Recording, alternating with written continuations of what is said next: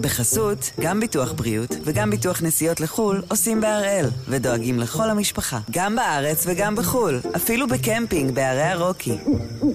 כן, גם שם, כפוף לתנאי הפוליסה וסייגיה ולהנחיות החיתום של החברה. אהלן, זה אלעד. בשבוע הקרוב אנחנו בחופשת פסח קצרה, אבל חשבנו שזו הזדמנות ממש מעולה להעלות כאן שוב כמה מהפרקים האחרונים שאתם, וגם אנחנו, מאוד אהבנו. והפעם, הישראלי שבנה מכונת זמן. שיחה עם המהנדס הישראלי בנאסא שהיה בצוות שפיתח את הטלסקופ הכי יקר בהיסטוריה, טלסקופ שיכול להעניק לאנושות הצצה אל העבר. דמיינו מכשיר קסמים כזה שמאפשר לכם להסתכל מיליוני שנים אחורה בזמן, לראות אירועים ענקיים שקרו בעבר, בעבר המאוד רחוק. זה היה מדהים, נכון? אם היה דבר כזה? אז זהו, שלא צריך לדמיין. כי יש דבר כזה. שלשום שוגר לחלל הטלסקופ על שם ג'יימס ווב, המנהל השני של סוכנות החלל האמריקנית, האיש שהוביל את נאס"א לירח. והטלסקופ, ווב, מעבר לזה שטכנית מדובר בכלי חסר תקדים, יצירתי, מאוד מורכב, הוא מאפשר בדיוק את זה, לראות את העבר. ודרך העבר, בתקווה, ללמוד המון על ההווה. על כדור הארץ, על הכוכבים שמסביב, אולי אפילו לענות על השאלה אם יש עוד חיים, איפשהו, בשכונה שלנו. אלו תגליות שבכל העולם ממש יושבים ומחכים להן.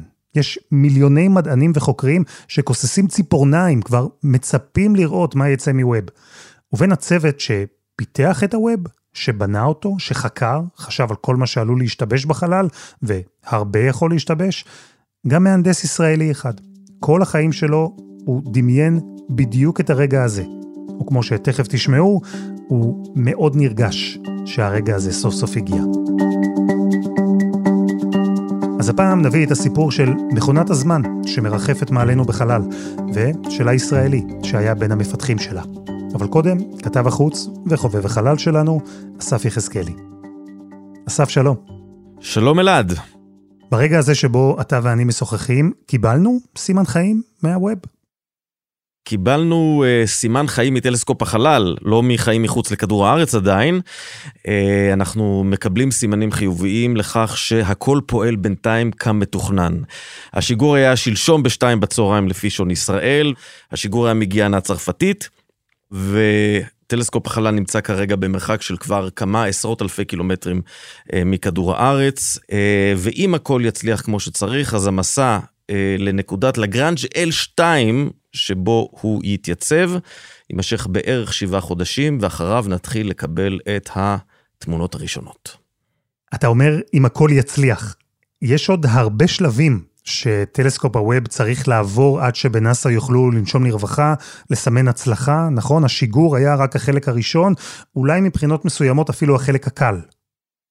הרבה מאוד שלבים ואין מקום לטעויות. מה, ש... מה שיצליח, יצליח.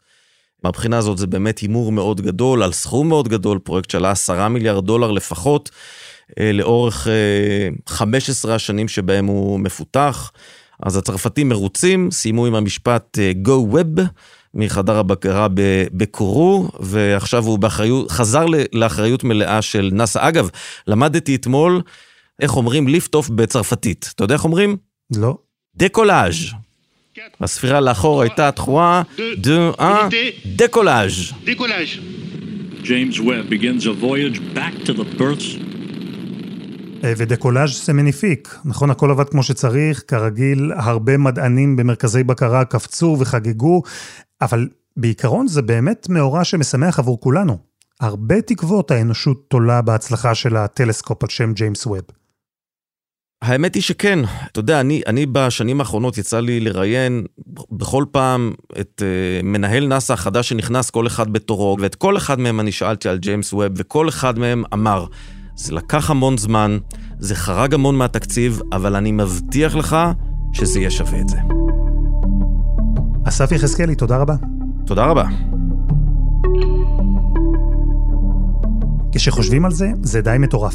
שנים של עבודה, מיליארדים של דולרים, השקעה, תכנון, מאמץ, שמים הכל על טיל, משגרים לחלל, ובגדול, מקווים לטוב, מקווים שהכל יעבוד.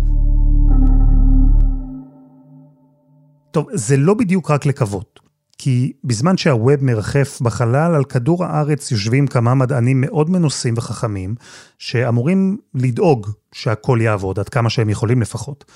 וזו קבוצה לא מאוד גדולה, קבוצה שמלווה את הבנייה של הטלסקופ הזה כבר שנים, קבוצה שעבורה, ווב הוא לא רק איזה כלי מתקדם ששוקל שישה טון וחצי, אלא החלום לפתור את כמה מהתעלומות הכי גדולות של האנושות. דוקטור אליעד פרץ, שלום. היי אלעד. איך הגעת לנאסא?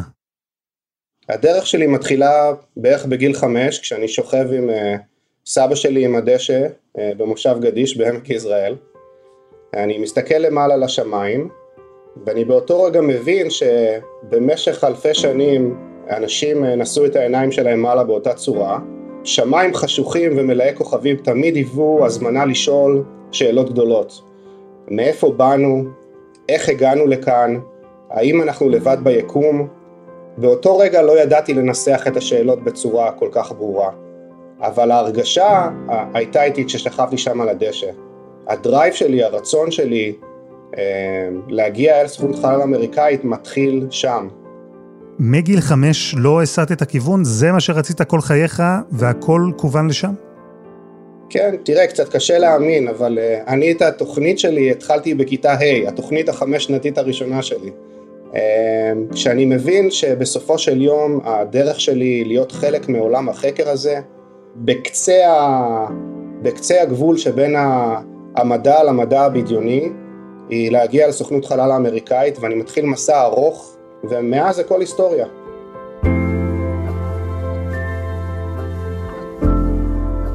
הילד בן החמש, ששכב על הדשא בעמק יזרעאל והסתכל על הכוכבים, הוא אחד מהאנשים האלה. האנשים שבנו את הטלסקופ שבעזרתו אפשר יהיה, בתקווה, להסתכל על הכוכבים הכי קרוב, הכי חד, הכי ברור שהיה אפשר אי פעם. והמסלול הארוך של אליעד, זה שהתחיל במחברות בכיתה ה', עבר בקורס טיס, בחוג לאווירונאוטיקה וחלל בטכניון, לדוקטורט באוניברסיטת קורנל היוקרתית בארצות הברית, ומשם לנאסא. אליעד, קח אותי לרגע שאתה מקבל את הטלפון או המכתב הזה שאתה חולם עליו בעצם מאז גיל חמש.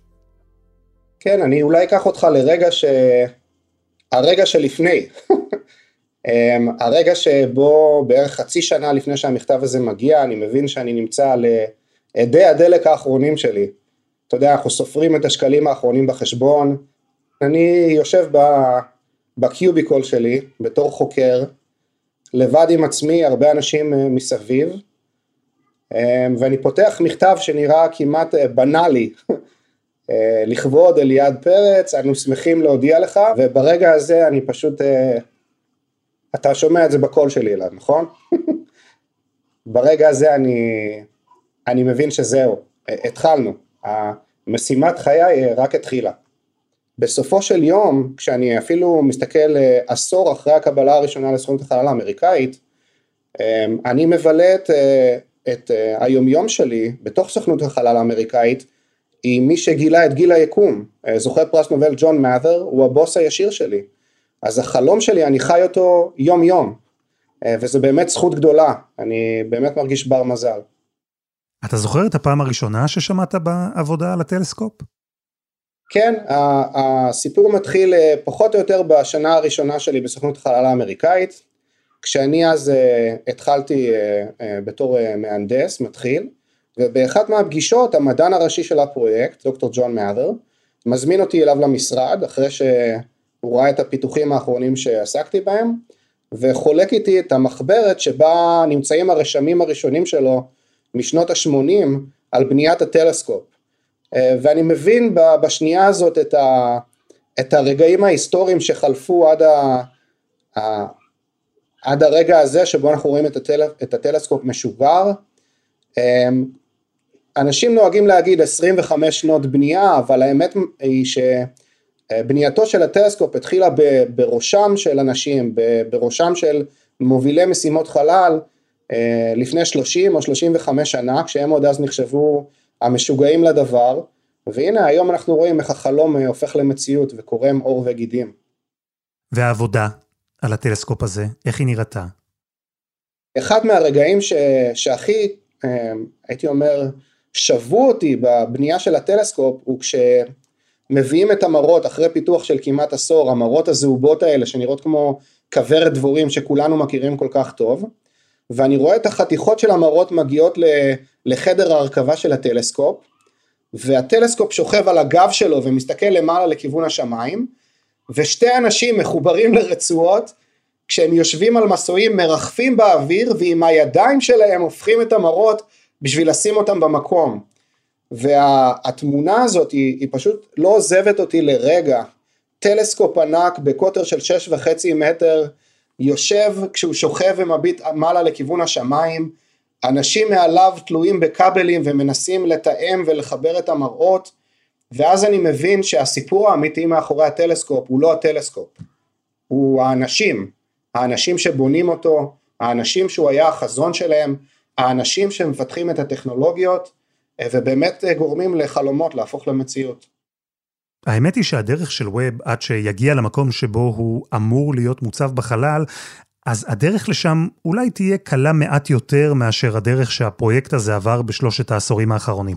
כי מה שהתחיל כיוזמה צנועה, נקרא לזה, עם תקציב של חצי מיליארד דולר, עם תאריך יעד להמראה ב-2007, הפך ליוזמה מפלצתית של עשרה מיליארד דולר והמראה שלשום. והיו ניסיונות לבטל את הפרויקט, הייתה עליו ביקורת, הוא ממש אכל את התקציב של נאס"א, כספי ציבור. אליעד, במהלך השנים, היו לכם רגעי משבר? היו נקודות כאלה שבהן חשבתם בנאס"א שלא, זה לא ילך, הדברים לא יסתדרו? כן, אמ, אני חושב שאחד הרגעים הכי מרכזיים קורה בערך אה, שלוש שנים אה, מתחילת, ה, מתחילת הפרויקט, כשמתכנני המשימה נאלצים להודות שהטלסקופ בקוטר של שמונה מטר הוא גדול מדי, הוא לא ייכנס לטיל המתאים והעלות של הטלסקופ תהיה גבוהה מדי, אה, ואז עובר איזשהו רגע מכונן על הצוות שהם מבינים שהם צריכים לשנות את העיצוב לגמרי של הטלסקופ, להקטין אותו לקוטר של שש וחצי מטר ולהגיע למצב שבו הטלסקופ יצטרך להיות מקופל בתצורת אורגמי בשביל להיכנס לתוך הטיל והרגע הזה לפרויקט הוא היה רגע מכונן כי הוא בעצם דרש עיצוב מחדש של כל טלסקופ החלל. אוריגמי, שווה להסביר את זה. המראות האלה שאליעד מספר עליהן, הן חלק מאוד חשוב מהטלסקופ, והן היו בקוטר של 8 מטרים, אבל בנאסא הבינו אין סיכוי שאפשר יהיה לשלוח דבר עצום כזה לחלל, זה פשוט לא יעבוד. אז הם הקטינו את הקוטר לשישה מטרים וחצי. עדיין מאוד גדול, והם קיוו שהפרויקט יושלם, הטכנולוגיה העכשווית כבר תאפשר לטלסקופ כזה להגיע לחלל. זהו, שזה לא בדיוק קרה. אז מה שהיה צריך לעשות, מה שבסופו של דבר עשו בנאסא, זה לבנות את ווב ככה שהוא שוגר לחלל מקופל. ורק שם, למעלה, הוא התפרס בעצמו, וכל החלקים הקטנים שמרכיבים את המראות ואת המגן הסולארי, כל אלה הסתדרו לבד במקום. אוריגמי. אלא שבנאסא מצאו 344 נקודות שיכולות לתקוע את התהליך הזה.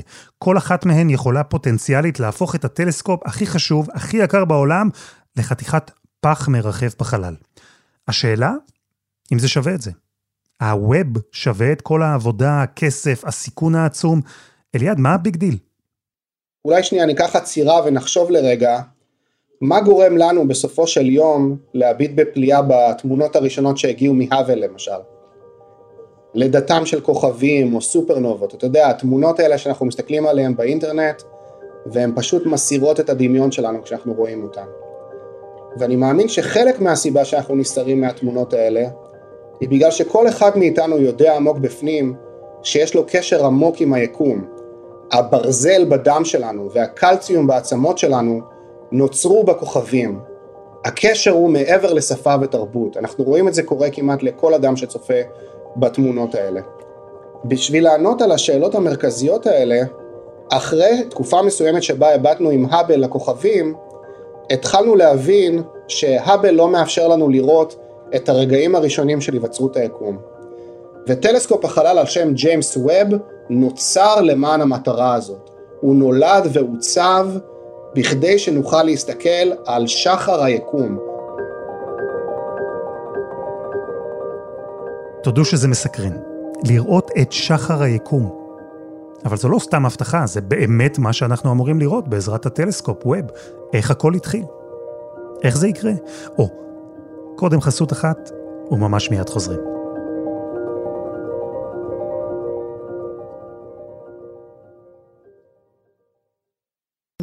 בחסות, גם ביטוח בריאות וגם ביטוח נסיעות לחו"ל עושים בהראל, ודואגים לכל המשפחה, גם בארץ וגם בחו"ל, אפילו בקמפינג בערי הרוקי. כן, גם שם, כפוף לתנאי הפוליסה וסייגיה ולהנחיות החיתום של החברה.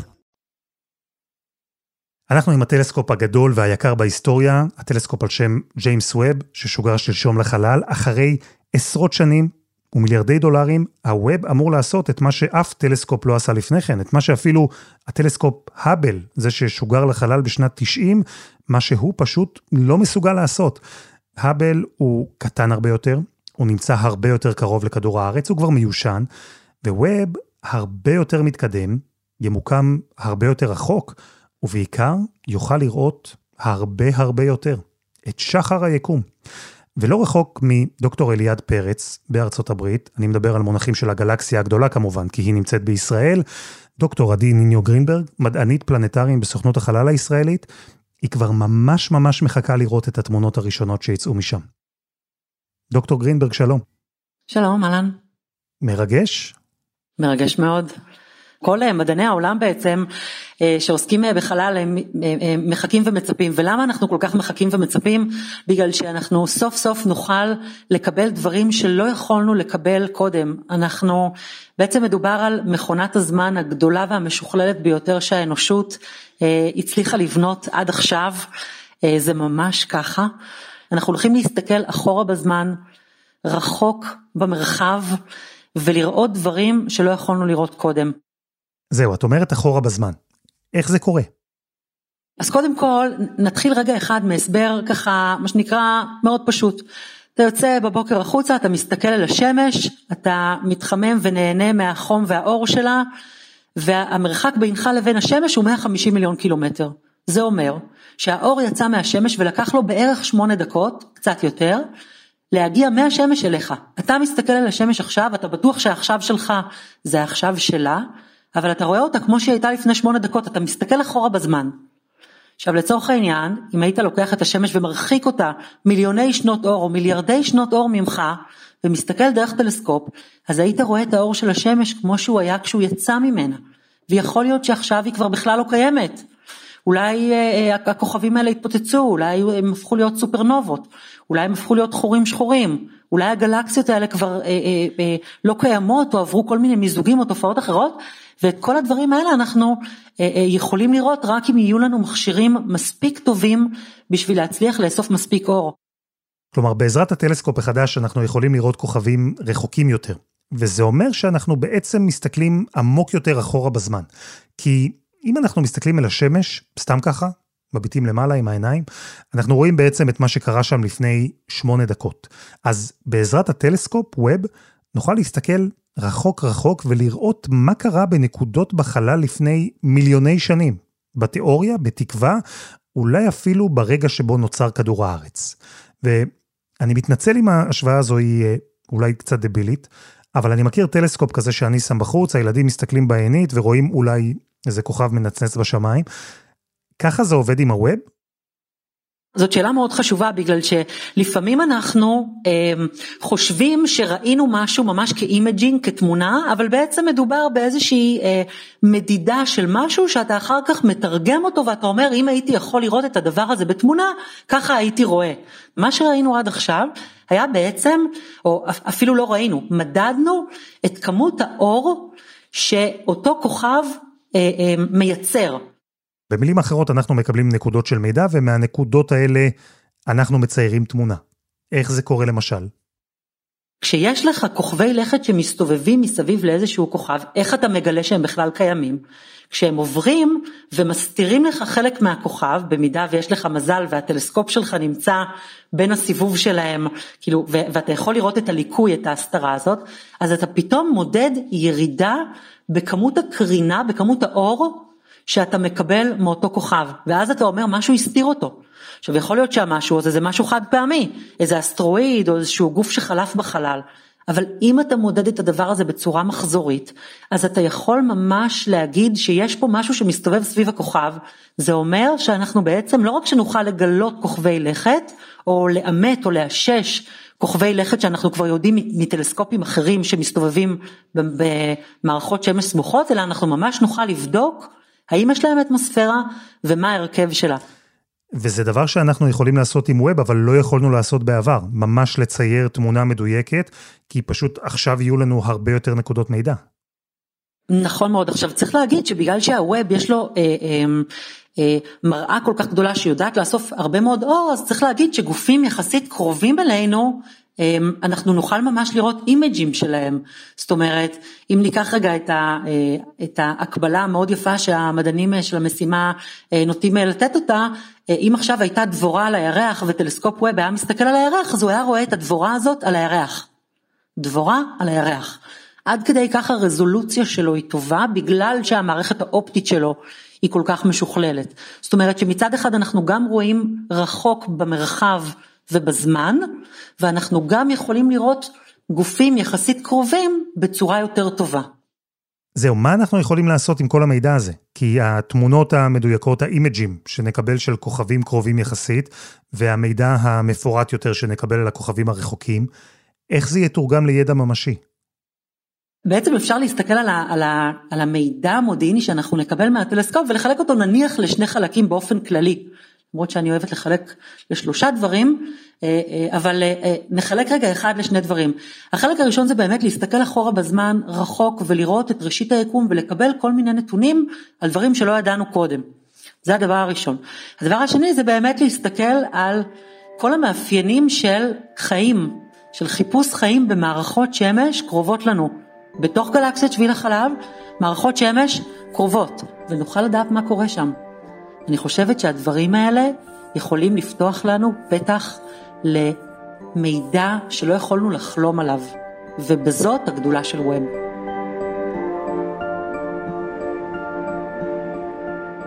האמת, אפשר להבין את ההתרגשות של עדי. זה מרגש, אותי לפחות. האפשרות לקבל תשובות לשאלות שכמעט לא העזנו לשאול על העולם הרחב שסביבנו. אבל כדי שזה יקרה, הווב, הוא צריך לעבוד. ואני אתן לכם דוגמה עד כמה זה מורכב. יש חשש שלאורך זמן החלקים של הטלסקופ ייפגעו מהשמש. אז הווב אמור לעמוד בנקודה כזו שבה כדור הארץ יסתיר חלק גדול מהשמש, מפני הטלסקופ. ובנוסף, יש לו גם שכבת הגנה, היא בגודל של מגרש טניס, והיא מוצמדת לו לגב. יש המון דברים שיכולים להשתבש, וזו כבר המחלקה של דוקטור אליעד פרץ, אחרי שהוא פיתח ובנה עכשיו צריך גם לתחזק את הווב. אליעד, קח אותי לשיגור, איפה היית בזמן הזה?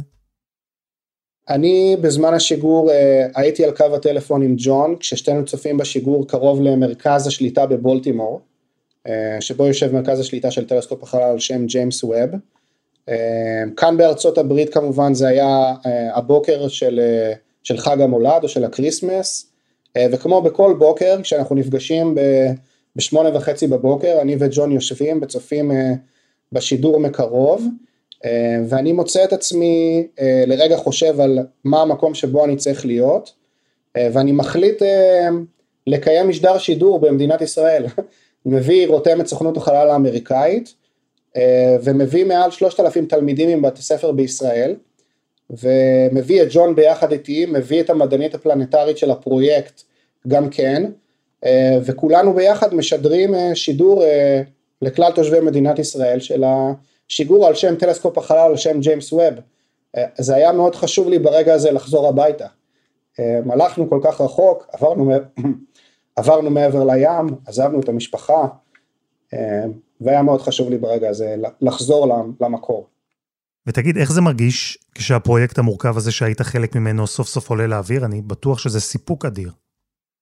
כן, למרות שאז המהנדס אה, שבי מתחיל להתעורר ולשאול שאלות, אני מנסה לצפות בטלמטריה ובאודיו שמגיע מה Deep Space Network או מהרשתות שאנחנו עובדים איתן בסוכנות החלל האמריקאית. אה, ברגעים הראשונים אנחנו מתפללים אה, שהטיל לא יתפוצץ במהלך השיגור, ואחרי שאנחנו מבינים שזה לא קורה והטלסקופ משוגר אני רוצה לראות אותו מסתובב, ואני מוצא את עצמי מסתכל על כל הפרטים הקטנים ש... שאני לא רוצה להסתכל עליהם, אבל אני חייב, ואני יכול להגיד לך שהשיגור אמנם מאחורינו, אבל הפריסה היא תהליך ארוך, שייקח לפחות עוד חמישה חודשים, עד לרגע שבו אנחנו נראה את התמונות הראשונות מגיעות מהטלסקופ, ואנחנו במתח, כל הדרך. זאת אומרת, אנחנו בטוחים בעצמנו, אנחנו בטוחים שעשינו את העבודה בצורה הטובה ביותר, אבל הדרמה מאחורי הקלעים עדיין מתרחשת, אלעד. היא לא עוצרת לרגע. נשמע לי שבפנים, אצלך כלומר, יש איזה מאבק כזה בין הילד בן החמש, שבסך הכל רצה לראות כוכבים ומאוד מתרגש, לבין האיש שנהיית, המהנדס בנאסא, שעכשיו צריך לדאוג שכל הדבר הזה יעבור בשלום. אה, אתה כבר יודע מה היית רוצה שהווב ישיג? יש לך כבר איזה תרחיש אופטימלי שרץ לך בראש? אני חושב שאם יש משהו שטלסקופ החלל האבל לימד אותנו, הוא שאנחנו בונים טלסקופים עם איזושהי מחשבה מקדימה של מה השאלות שאנחנו רוצים לענות עליהן, ואחרי עשור או שתי עשורים שאנחנו נמצאים בחלל ומתפעלים את הטלסקופ, אנחנו מוצאים את עצמנו עונים על שאלות אחרות. הטלסקופ שתוכנן ונבנה בשנות ה-80, כשעוד לא ידענו בכלל שקיימים כוכבי לכת מחוץ למערכת השמש, משמש היום לחקר מדעי שכמעט ולא היה קיים בזמנו. המדע התפתח והתקדם, אנחנו נמצא את עצמנו שואלים שאלות חדשות, והשאלות האלה אה, יענו בסופו של יום על ידי הטלסקופ שתכננו לתמוך במטרות בסיס אחרות. אתה מדבר פה על uh, מעגליות מסוימת כזו. כלומר, בונים טלסקופ, משגרים אותו לחלל כדי לענות על שאלות שאנחנו שואלים היום, והוא מביא תשובות חדשות שמעלות גם שאלות חדשות, שאותן נצטרך לפתור מחר. כן, וזה היופי של החקר. זה מחזיר אותנו חזרה לרגע הראשון ההוא שבו אנחנו מסתכלים לשמיים, ויוצאים לרגע מהעולם הטכני של הטלסקופ ובניית הטלסקופ והפרטים והעלויות ולוחות הזמנים. ועוצרים לרגע ומסתכלים על השמיים. דוקטור אליעד פרץ, תודה רבה ובהצלחה. בכיף, אלעד.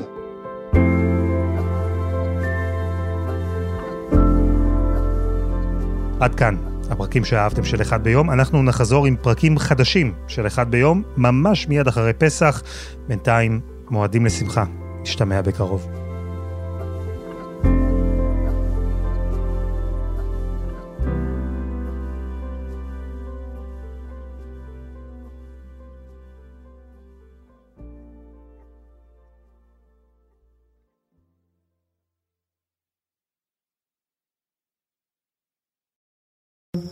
בחסות, גם ביטוח בריאות וגם ביטוח נסיעות לחו"ל עושים בהראל, ודואגים לכל המשפחה, גם בארץ וגם בחו"ל, אפילו בקמפינג בערי הרוקי.